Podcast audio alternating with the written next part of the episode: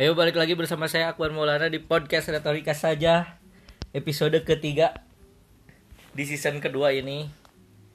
Rekaman eh di bulan Maret. Hari ini saya tidak sendiri saya tidak mengoceh sendiri biasanya saya sendiri. Sekarang saya ditemani oleh silahkan perkenalkan diri. Hai pendengar yang ada pendengar.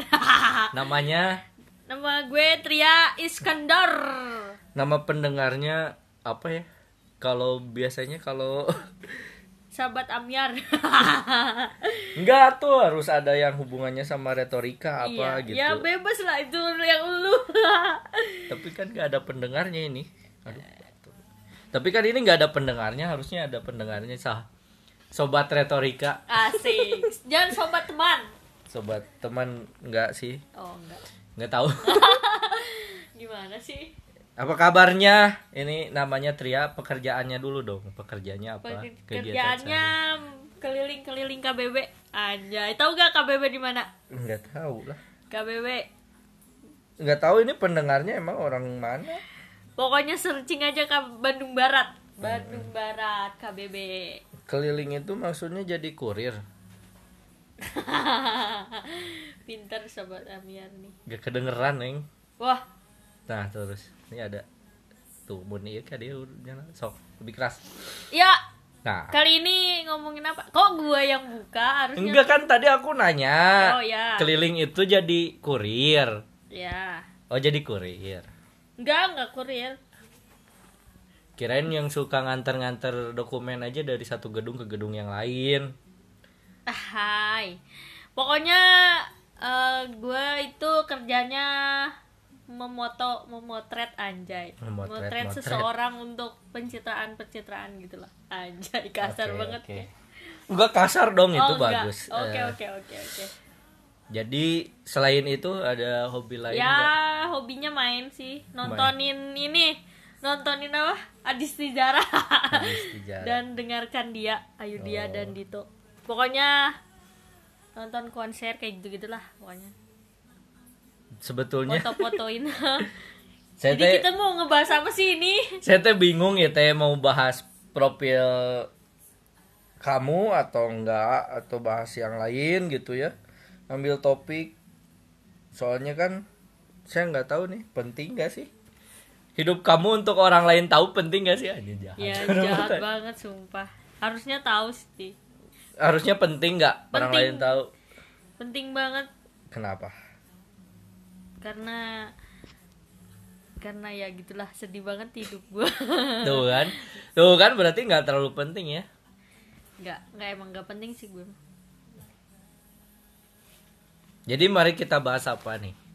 Saya tuh sebetulnya ini membahas soal eh, isu yang sangat hangat yaitu soal virus virus yang sedang menerpa rakyat Indonesia. Nah, ini kan bekerja di KBB sebagai kurir. Nah, gimana dampaknya terhadap karir terhadap pekerjaan kamu dalam apa dalam menghadapi pandemi COVID-19 ini?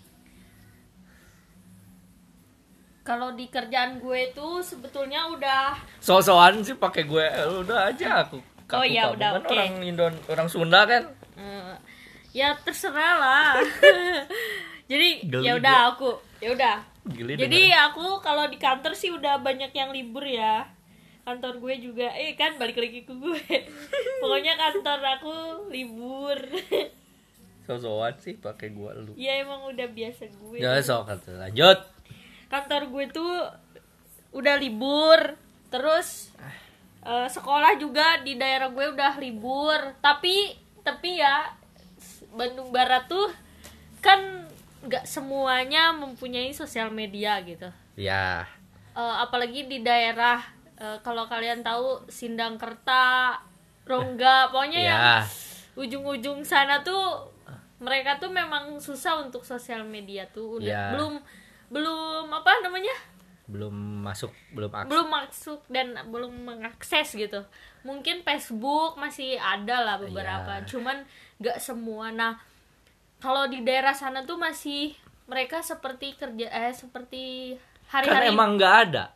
Apa? Di sana nggak ada virusnya. Iya kata kata mereka tuh berpikir bahwa virusnya jauh nggak akan datang gitu katanya. emang bener kan nggak ada?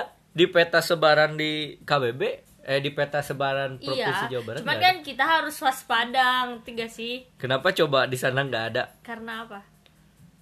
karena orang luar kota males balik lagi ke sana Hah? Iya kan maksudnya kan orang yang sakit ko- coronavirus itu adalah yang datang dari luar negeri terus Iya, balik ke Indonesia. Indonesia. Nah, mungkin orang yang udah di luar negeri juga males lagi ke Sindangkerta jadi udah we. Gak Oh, akan ada virus yang pembawa virus datang gitu karena jauh teuing ah embung cenah teu ke, ke, ke- ke virus corona lagi. Bisa bisa bisa.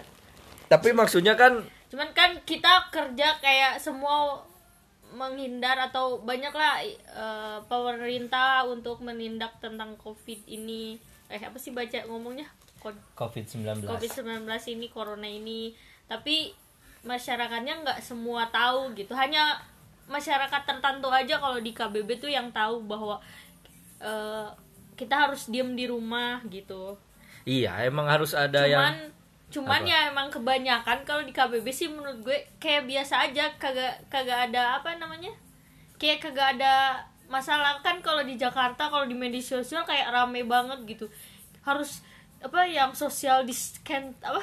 distancing. distancing terus diem di rumah terus kayak kita harus tes dan lain sebagainya kayak mereka tuh kayak riuh gitu. Riuh. Kayak eh, ribet gitu kan. Tapi mereka tuh di bawah santai enjoy kayak melakukan hal apa pun gitu yang seperti hari biasa gitu. Jadi kayak terus usaha pemerintah untuk kayak wah kayak gitulah. Tapi ya nggak tahu sih gue juga kayak lucu aja gitu sama orang-orang. Enggak kan kan karena kalau di Jakarta kan udah ada beberapa ada Orang. udah positifnya ada 300 Ya, orang maksudnya.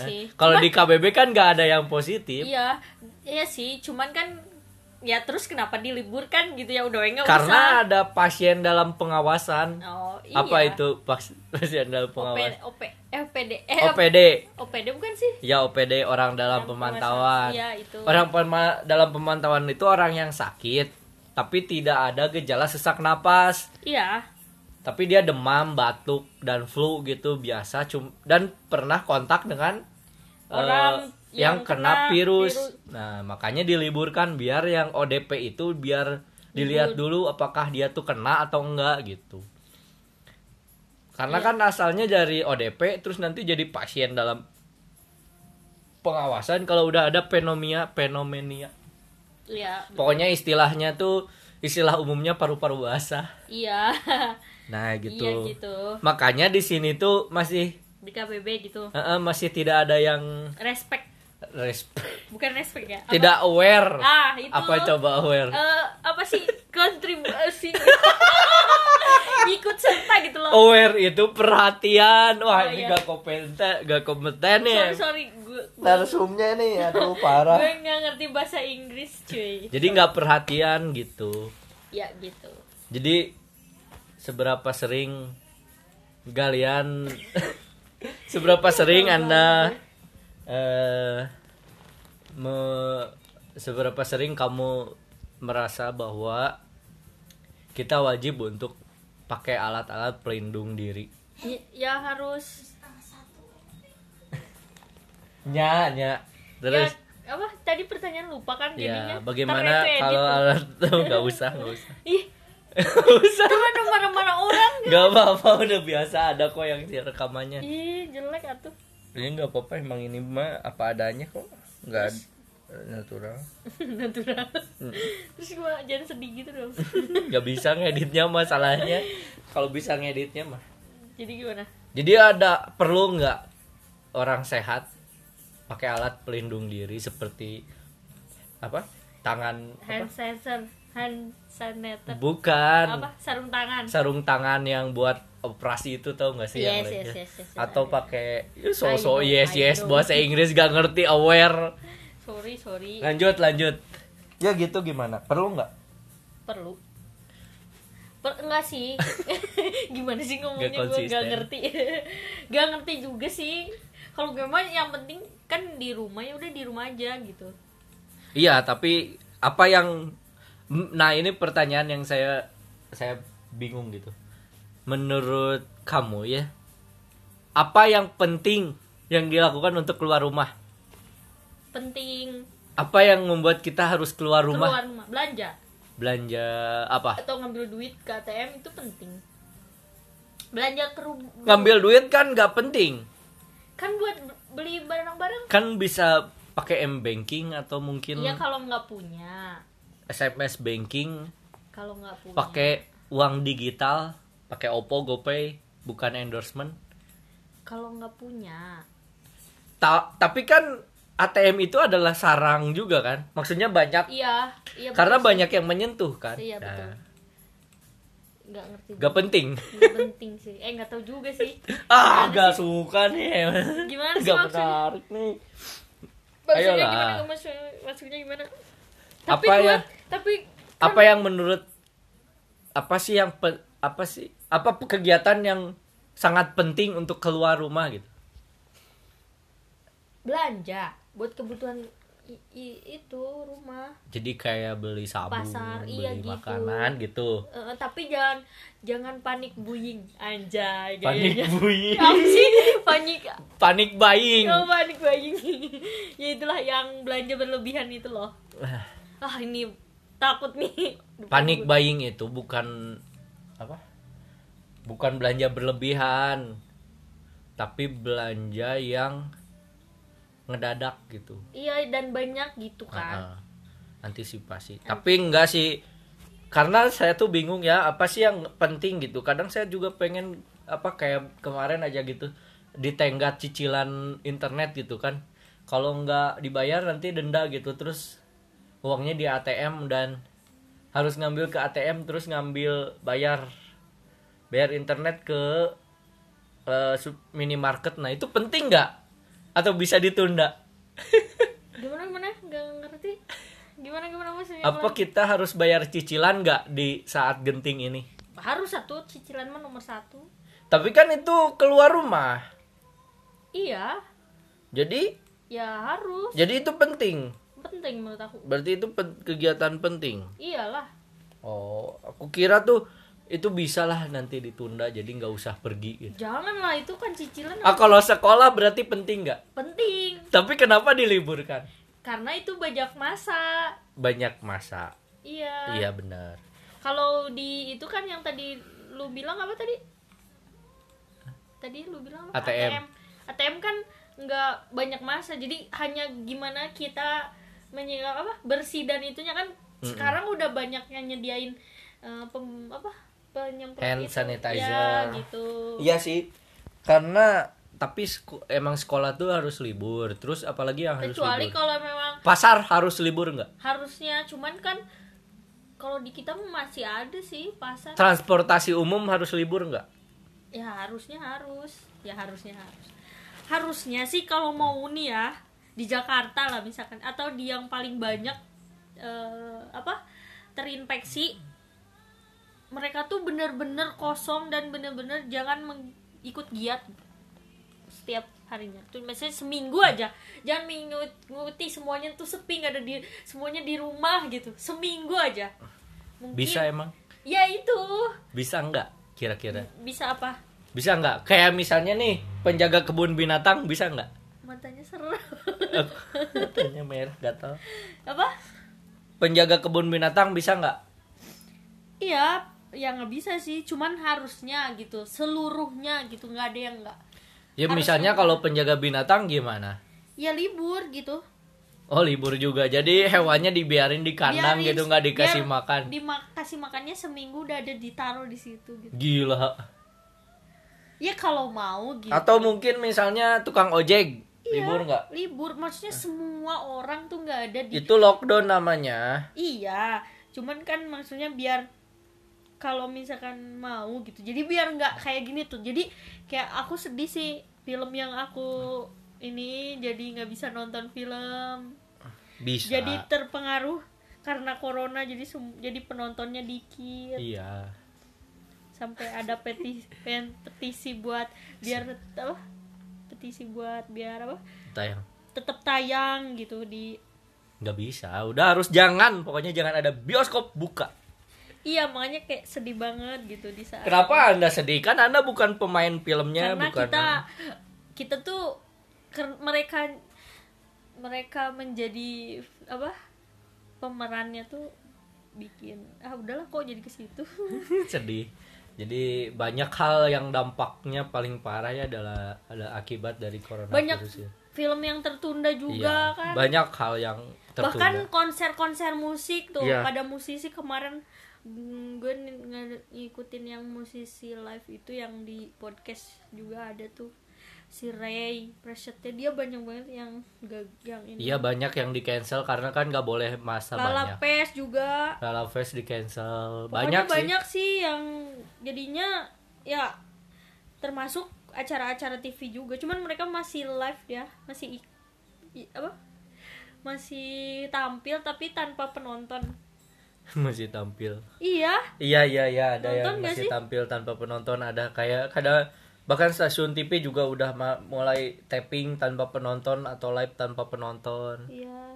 OPJ juga jadi ya pokoknya itu sih emang sebetulnya yang yang berbahaya dari virus ini sebetulnya bukan bukan si virus ini berbahaya atau enggak gitu.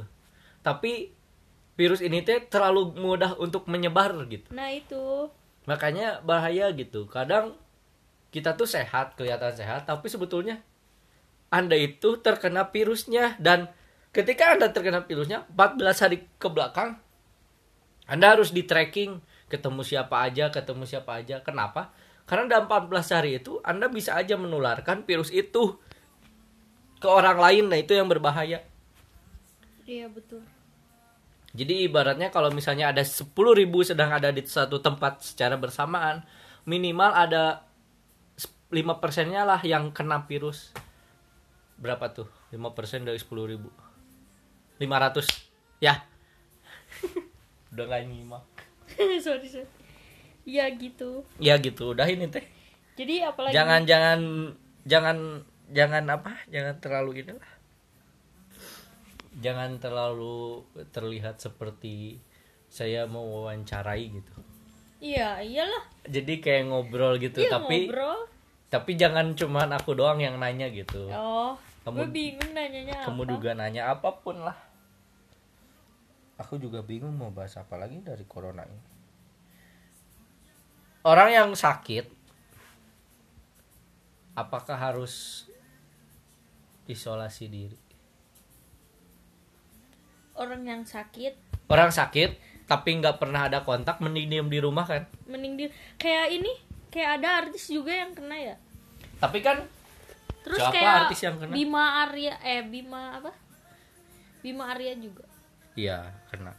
Kalau menurut lu da- apa apa yang lu lakuin gitu saat ini? Diem di rumah? Menghadapi ini gitu. Diem di rumah lah. Terus? Nggak tahu diem di rumah aja ya ngapain masa diem di rumah doang ya diem di rumah lah ya melakukan hal apa gitu biar se- seminggu ini tuh produktif gitu loh Enggak, enggak produktif. ya itu makanya kenapa lu Karena seminggu ini aku bingung. Laptop aku tidak bisa connect pakai Bluetooth WiFi. santai bawa santai Jadi aku tuh mau pengen mendengarkan lab apa mendengarkan nonton film tapi dengan audio yang bagus. Jadi saya beli Bluetooth speaker. Nah, untuk mengkonekkan satu laptop ini ke dalam Bluetooth speaker itu saya membutuhkan tiga hari tiga malam. Dan baru beres tadi gitu. Jadi sepanjang saya diam di rumah ya membenarkan itu dong. Memperbaiki. memperbaiki itu dong. Kok aku ngegas ya? Iya, ya habis kesel. Tiga hari tiga malam dong. Bayangkan sampai aku Santai, nggak mandi. Eh mandi deng. Ih, jijik banget jijik banget ya gitulah. Itu yang aku habiskan selama ini. Tapi aku tuh aku tuh bingung untuk izin ke sekolahnya gitu ngerti gak sih? Maksudnya izin? Kan aku kerja nih. Yes. Kan aku kerja sekolah gitu ya. Nah ada atasan aku aku anak buah. Nah kadang-kadang aku tuh harus disuruh oleh atasan aku untuk kerja. Hal yang sebetulnya aku juga nggak fit gitu. Kadang flu kadang batuk-batuk. juga ya jadi aku tuh bingung kayak pengen izin tapi ini kalau di lain waktu mah biasa aja bisa masuk kerja. Tapi ini kan lagi masa coronavirus, ya- Coronavirus. ini jadi hal yang sesepele itu aja jadi menakutkan gitu. Gue bingung apa sih ngangguk-ngangguk? Ya kan? Iya. Eh, jadi gimana nih? Coba di kantor lu gimana kondisinya? Kalau ya di- libur. Enggak maksudnya mereka menanggapi soal corona ya diam aja. Di rumah. Ya di rumah aja. Tapi maksudnya kan ada yang ber pernah nggak sebetulnya kalau di tempat di kerja apa di waktu yang lain ketika nggak ada virus corona ini kita nggak bisa tuh izin karena flu ringan karena batuk ringan? Iya. Tapi sekarang karena batuk ringan oh, doang bisa kena gitu bisa apa sih namanya? bisa jadi bu saya nggak bisa sa- nggak bisa masuk masuk. saya ini isolasi diri diri Enggak aja dulu. dulu gitu pernah nggak menggunakan alat itu untuk tidak masuk kerja enggak sih kalau gue mah ya karena karena gue nggak ada absen gue ada sih tapi gue nggak diutamain karena kan gue kerjanya di lapangan jadi jadi mau izin keluar pun nggak apa-apa sih ya maksudnya kan harusnya gitu nggak nggak nggak nggak pernah kalau izin pun nggak pernah nyampe alasan-alasan sakit atau apa ya izin izin aja gue mau nonton gitu gue mau apa gitu. Iya masalahnya itu sih yang aku tuh bingung. Jadi kadang-kadang kemarin aja kayak Pak saya teh mau ke sekolah. saya teh Tapi saya teh ini kayak kayak kayak masih masih kurang enak badan ini saya takut nularin oh penyakit gitu. Tapi dulu kalau misalnya masih kayak gitu ya bisa aja kerja gitu. Tapi saya emang merasa diri saya takut kena sih. ih serem banget tuh kenapa kita bikin podcast ini Kenapa coba? Karena saya tuh rentan kena flu gitu. iya Kayak mandi pagi-pagi aja abisnya bersin-bersin. iya dia mah gitu serem aku juga kalau gue mah enggak dong kayak ya maksudnya kan jadi kayak rentan aja gitu bahkan kalau abis makan juga kan suka makan kebanyakan nih gitu tiba-tiba muntah gitu kan. Ya iyalah makan kebanyakan muntah bego. Ya maksudnya kan kalau misalnya dulu waktu masih kecil masih SMP makan makan kebanyakan nggak muntah tapi sekarang makan sedikit kebanyakan aja apa eh, agak-agak pengen muntah gitu. Jadi aneh gitu kayak ya udah tua. Kalau menurut eh, lu yang eh, apa sih apa sih kalau ngomongnya kayak gimana ya? Maksudnya Ridwan Kamil nih sang menanggapi soal covid ini menurut lo gimana? Maksudnya dalam artian tindakan-tindakan di dengan misalnya bandingin sama takut dipecat. sama Anies Baswedan gitu. Takut terus dipecat. sama Bupati Bandung Barat gitu loh. Takut- jadi mereka ber maksudnya pemerintah yang yang baik menurut lo lah. Takut takut takut dipecat eh kalau jujur tuh. Ya nggak apa-apa lah emang ngedenger dia jadi gini menurut saya ya yang penting itu adalah soal trace tracking tracing. Jadi si Eh, kalau bisa sih bahasanya yang biasa aja ya tracing itu maksudnya adalah si si orang yang kena virus itu di di track dia tuh eh, 4 hari 14 hari ke belakang tuh ke mana aja oh ya orang-orangnya gitu. Nggak eh, si orangnya tapi ja- maksudnya semua masyarakat dicek gitu? Enggak jadi orang yang kena positif nih nah dia 14 hari Ke mana aja? ke belakang Oh, iya, tuh ke mana iya, aja. iya, oke, oke, bukan identitasnya ya bukan yes, identitas yes, orang yes, yes, tapi dia sebelumnya ke mana aja? Misalnya dia pernah ke BEC ah baiklah nyebut merek. Misalnya dia ke mana ke BIC ke BIP atau terus misalnya ke lapangan Saparua terus dia misalnya pernah ke kafe mana kafe mana. Nah ketika udah itu tahu tanggal berapa ja- jam berapa dia ikutin aja tracingnya nanti orang-orang yang sebetulnya nggak tahu dia teh kena atau enggak dan ketika di tracing oh saya jam segini ada di sini nih berarti dia kena virus di sini mungkin ya. Nah dia yang merasa pernah sedikitnya berkontak meskipun cuman nggak bersentuhan atau apa wajib dites tes sendiri gitu. Yes yes. Tes tes normal aja dulu meskipun ya pasti pasti ini sih maksudnya pasti pasti ke agak kelihatan dia masih sakit gitu. Tapi minimal yang orang yang pernah satu tempat itu bisa isolasi diri gitu. Oh saya pernah ke sini ah saya diam dulu di rumah deh nggak ngapa-ngapain gitu. Jadi ada ada jalurnya dulu tracking dulu gitu bahwa dia pernah ke mana aja gitu. Nah sementara sekarang ada kasus positif nih dia teh nggak tahu nih 14 hari ke belakang tuh ke mana aja. Hmm. kadang-kadang misalnya nih kayak kayak kasusnya ambil contoh eh, yang terkenal aja siapa?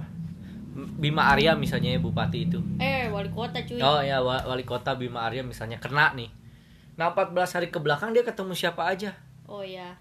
Misalnya dia ketemu dengan dinas ini Tapi dia ketemu pejabat ini. Nah semua yang pernah kontak sama dia diperiksa atau dites di suruh apa?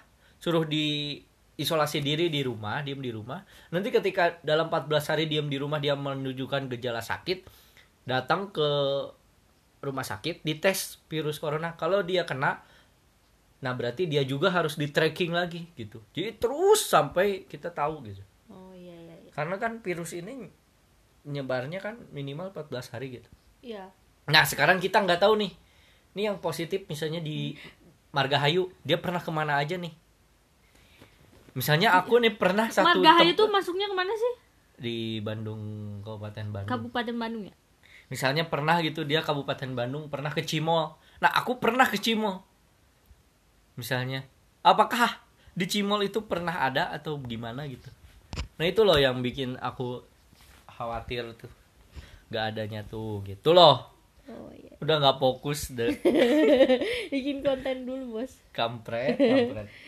terus iya nah kan udah kan itu. Tapi tindakan yang dia lakukan untuk saat ini lihat Ya kayak kayak gini mah udah inilah yang, yang, sekarang paling lihat gitu. Yang paling memungkinkan sekarang ya kayak gini aja udah, nggak ada hal yang lain udah. maksud yang mereka lakukan benar atau gimana? Nggak atau nggak bisa Nggak bener lah. kan kayak kemarin tuh Adis Baswedan eh disebutin namanya Iya. pokoknya yang Pecat kemarin aja ram- pak. rame kan kemarin Ya. soal video viral tuh kayaknya memainkan masya apa men- menjadi alat percobaan kepada masyarakat tahu nggak videonya Nggak itu? tahu. itu ada tuh videonya Nggak ada, nggak ada. Video hoax itu. Oh. ya pokoknya kayak kok gini gitu Kok gini tuh kok gimana? ya kok bisa sih gitu. Bisa gimana? Udah nggak fokus ini mah ya udah kita tutup aja kali ya. terus eh, tanggapan lo yang gue harus lakukan apa Udah diam di rumah. gue kan gue kan dari dari Jabar bergerak nih gue tuh mau bertindak eh meng, apa sih bukan ber, ya bertindak bertindak untuk mensosialisasikan ini kepada masyarakat lebih baik di KBB tuh kayak gimana sih? Gue minta pendapat lo. Biar Ya. gue se- biar gue bisa ikutin gitu. Ya sekarang mah social distancing aja, diam di rumah, iya maksudnya Jaga gue ngasih tahu ke masyarakat gitu loh. Jaga jarak. Ya maksudnya pakai sosial media, karena kan di bikin KBB kan poster, berarti poster kan. Heeh, bikin spanduk, baligo. Asal jangan bikin seminar itu sama aja bohong. iya makanya makanya tapi kan sekarang ada cuy yang maksudnya dia tuh Iya bikin datang-datang, seminar. ngumpulin orang kan itu nggak boleh tapi Iya. mereka sosialisasikan itu Iya, bahkan bagi-bagi masker terus iya itu kan nggak yang bagi- boleh Iya kan apa itu rebut-rebutan tuh ada tuh Iya itu kan bukan social distancing itu namanya. iya makanya itu Iya berarti kan berarti harus turun. pakai spanduk. ya lebih baik spanduk sama ini kali ya apa pamflet tapi pamflet kan jadi Nggak buang bisa. samsa samsa deh buang sampah sembarangan Enggak. Ya ya berita harus bisa gitu. Harus bisa sampai kan ada petugas pemerintah ya. Nah itulah RW yang harus nah door, door di to door. kita tuh eh, di kita tuh kebanyakan RW-nya nggak nggak ini nggak respect gitu loh karena mungkin door mereka door. mereka belum ada sosialisasi dari pemerintahnya juga kayaknya soalnya gue tanya temen gue di daerah Sindangkerta dia bilang bahwa RT-nya masih bergiat desa masih bergiat Ya itu kan Sindangkerta, kasus di Sindangkerta itu hampir tidak ada. ODP, PDP dan positif itu nggak ada. iya tapi kan Makanya mereka harusnya tahu gitu loh yang kalau misalnya ada kasus pasti langsung dikasih tahu. Nih kayak di Batu Emang Jajar. di, KBB tuh ada berapa di KBB ada berapa sih gue belum ngecek sih Jadi di Batu Jajar itu baru ada PDP, ah, OPD. OPD itu orang dalam pemantauan. Jadi dia tuh us- disuruh isolasi diri. Kenapa? Karena dia tuh sakit, tapi nggak eh, paru-paru basah dan dia bersentuhan dengan eh orang yang kena apa orang yang kena virus jadi kontak gitu. Nah di KBB ada eh di Batu Jajar ada tiga. Di Ciamplas eh di Cililin Ciamplas ada dua. Terus ada di Ngam- Ngamprah ada tiga ada empat gitu. Terus ada dari Padalarang. Nah yang dari eh Sindang Kertarongga tuh belum ada. Makanya mereka masih santai-santai. Nah kalau di kita kan ini dekat loh Batu Jajar Barat gitu jadi, Jadi kalau berarti harusnya di kita ya yang kita. kalau misalnya Tapi orang itu orang, orang yang dalam pemantauan ini naik statusnya jadi positif boom langsung kita langsung langsung Bergerak. langsung langsung pasti berubah sikapnya Jadi kita nggak usah ke yang daerah sana gitu iya untuk bersosialisasi. iya kita Atau- harus kita harus tahu atau peta kita sebaran Tetap, atau kita tetap kasih tahu tapi eh lewat apa gitu? Enggak juga. enggak peta sebarannya aja kasih tahu nih ini sebarannya ini Soalnya kasusnya kayak gue percuma aja gitu posting di IG. Toh juga yang lihat gak semua orang masyarakat KBB juga. eh jangankan posting di IG ini aja nih rekaman nggak ada yang denger ngapain coba ya nggak apa-apa kali kalau ntar sama gue mah adalah yang denger kali. nggak apa-apa nggak usah nggak usah ada yang denger malu ada mamah marah-marah. Orang tidur jam berapa ini? Coba orang tidur kita main. Ya gini sih. Udah nih ada lagi nggak yang mau disampaikan? Apa dong pesannya mungkin? Nggak pesan nggak ada udah. Nggak ada nggak usah dikasih pesan lah kalian udah tahu. Nah nah ini nih yang jadi isu hangat juga. Apakah boleh beribadah di rumah? Nggak boleh sih dan tidak di masjid. Eh, nggak boleh sih harus sholat jumat ditiadakan. Ya harusnya mah. Kalau kan kata lu tadi gimana tempat apa sih yang benar-benar emang udah terinfeksi daerah mana? Kalau daerah kita masih nggak terlalu ini kan. Jadi ya udah sih di masjid aja seperti hari biasa. Kalau menurut gue gitu sih. Toh juga kayak sedih banget sih kalau semua orang nggak di masjid. Terus kayak sholatnya pisah-pisah. Itu kan sebetulnya nggak boleh kalau pisah-pisah tuh nggak sah. Oh berarti beda Gua- beda mazhab. Gue ada ada yang ngasih kiriman gitu sih. Cuman emang ada yang bilang bahwa boleh di rumah. Boleh aja mengizinkan. Cuman kayak sedih aja kalau gue. Sedih ya, emang sedih sih. Kayak ya Allah gitu. Ya, ya Tuhan lu aja ngejumatan.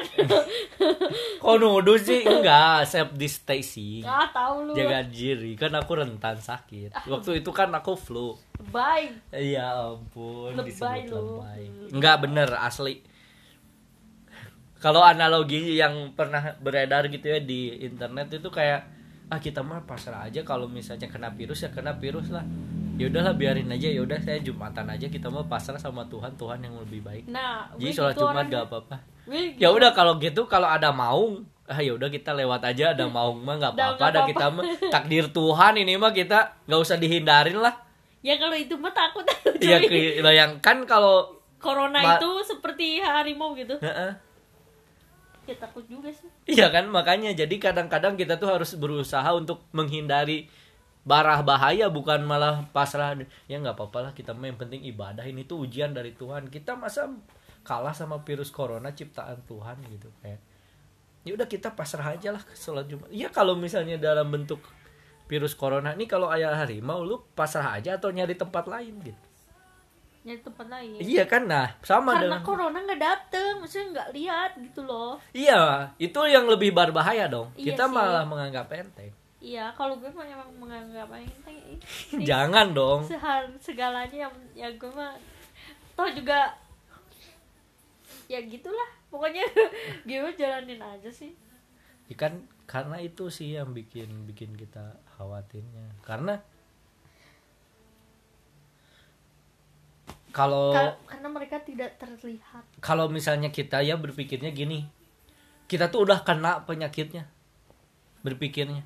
Iya Jadi kita un- tidak ma apa? Jadi kita berharap untuk tidak menulari orang lain penyakit yang kita bawa.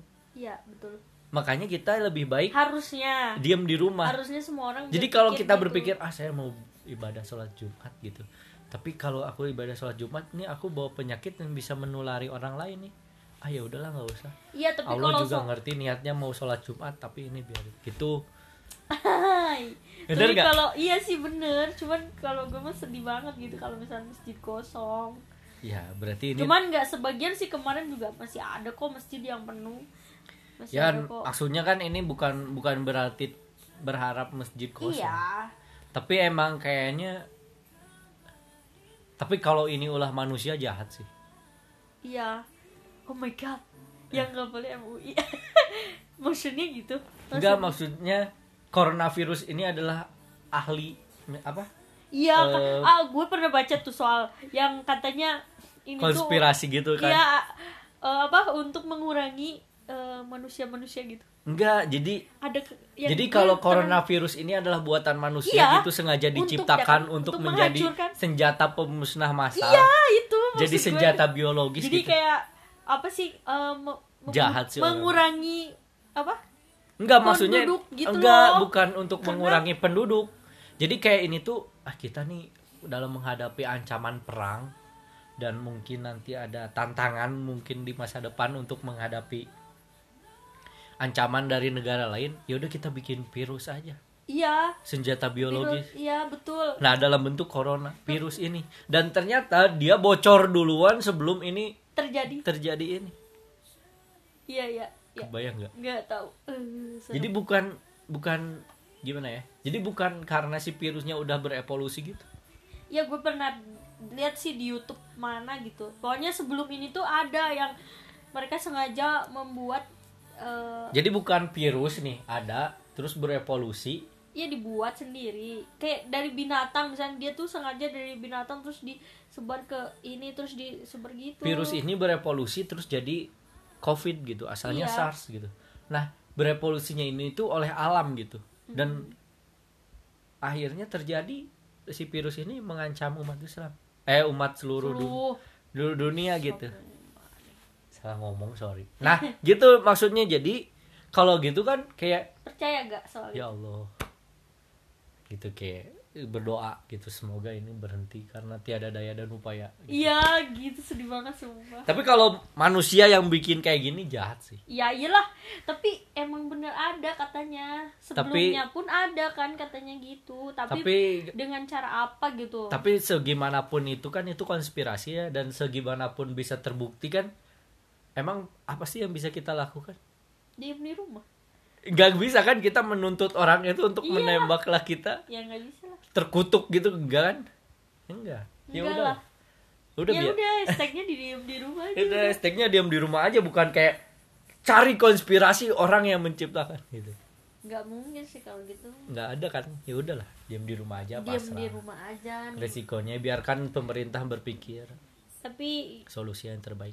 ya tapi sedih juga ya Kan kan virus, virus itu pasti ada antivirus. di virus kayak di komputer kan Iya, antivirus. Untuk apa? Untuk menangkal si virus ini. Tapi ini teh ada dua tipe gitu. ya. Ada yang untuk mencegah, ada yang untuk mengobati. Mm-mm. Nah, tapi nggak mungkin sampai bisa ada mencegah, terus mencegah. Eh, nggak mungkin ada untuk mengobati si obat. Tapi mudah-mudahan ada. Tapi ini sangat lama untuk menemukannya antivirusnya. Butuh Iya, 8 butuh- bulan. butuh waktu tapi kan kalau misalnya ini nunggu sampai ini ya gimana Dan kalau misalnya udah ditemukan antivirusnya at- untuk pencegahan gitu ya, mungkin bukan untuk pengobatan, itu kayaknya seluruh dunia wajib me- apa eh ber- mengobat apa menyuntikan antivirusnya itu biar lebih kebal terhadap COVID coronavirus disease 19 ini. Nah itulah yang harus menjadi tantangan karena bayangkan satu antivirus itu mungkin harganya mahal dan seluruhnya harus bersih dibersihkan. Ya mungkin habis lah. Sekarang aja udah terpuruk ekonomi. iya udah kasihan banget deh Jadi gimana nih lanjut? Eh, udah nih ada pesan terakhir. kasihan di mata lu udah tid udah ngantuk ya untuk ya kalau gue mah yang penting diem di rumah aja lah. Udah biar pemerintah dan Gak kedengeran. pokoknya diem di rumah aja. Kata Najwa Shihab Kok juga. sorry. Karena itu jalan terbaik dan itu adalah cara terbaik mungkin. Eh, biarkan pihak-pihak yang tertentu yang bekerja untuk untuk memperbaiki ini semua. Ya, Walau jadi cara kita untuk menguranginya ya diem di rumah aja udah. Jaga, diam di rumah jaga kesehatan jaga be- kebersihan jangan lupa cuci jaga tangan. jarak pokoknya gitu ya. Kalau oke. pergi kalau pergi jaga jarak gitu. Sama jangan salaman dulu gitu. Jangan salaman dulu. Salamannya diganti jadi. Ya ampun cuma kagak kelihatan bocong ya maksudnya nggak usah bersentuhan kulit. Iya oke segitu aja eh, untuk podcast kali ini. yang sedikit amat. Terus mau berapa jam Nggak, ini? udah. udah 40 menit. Ntar kita ngomongin musik dong. Ya oke ya. Terima kasih. Oke thank you. Udah da- udah mau diajak. Ya dengerin dulu jangan Chat, lupa. chat, chat, usah chat, lah chat. usah dengerin lah. Ya udah jangan sampai ketemu lagi. Jangan jangan lupa. Kita harus berretorika karena hidup ini adalah retorika apa saja sih artinya retorika eh maaf sorry Iya nggak apa-apa.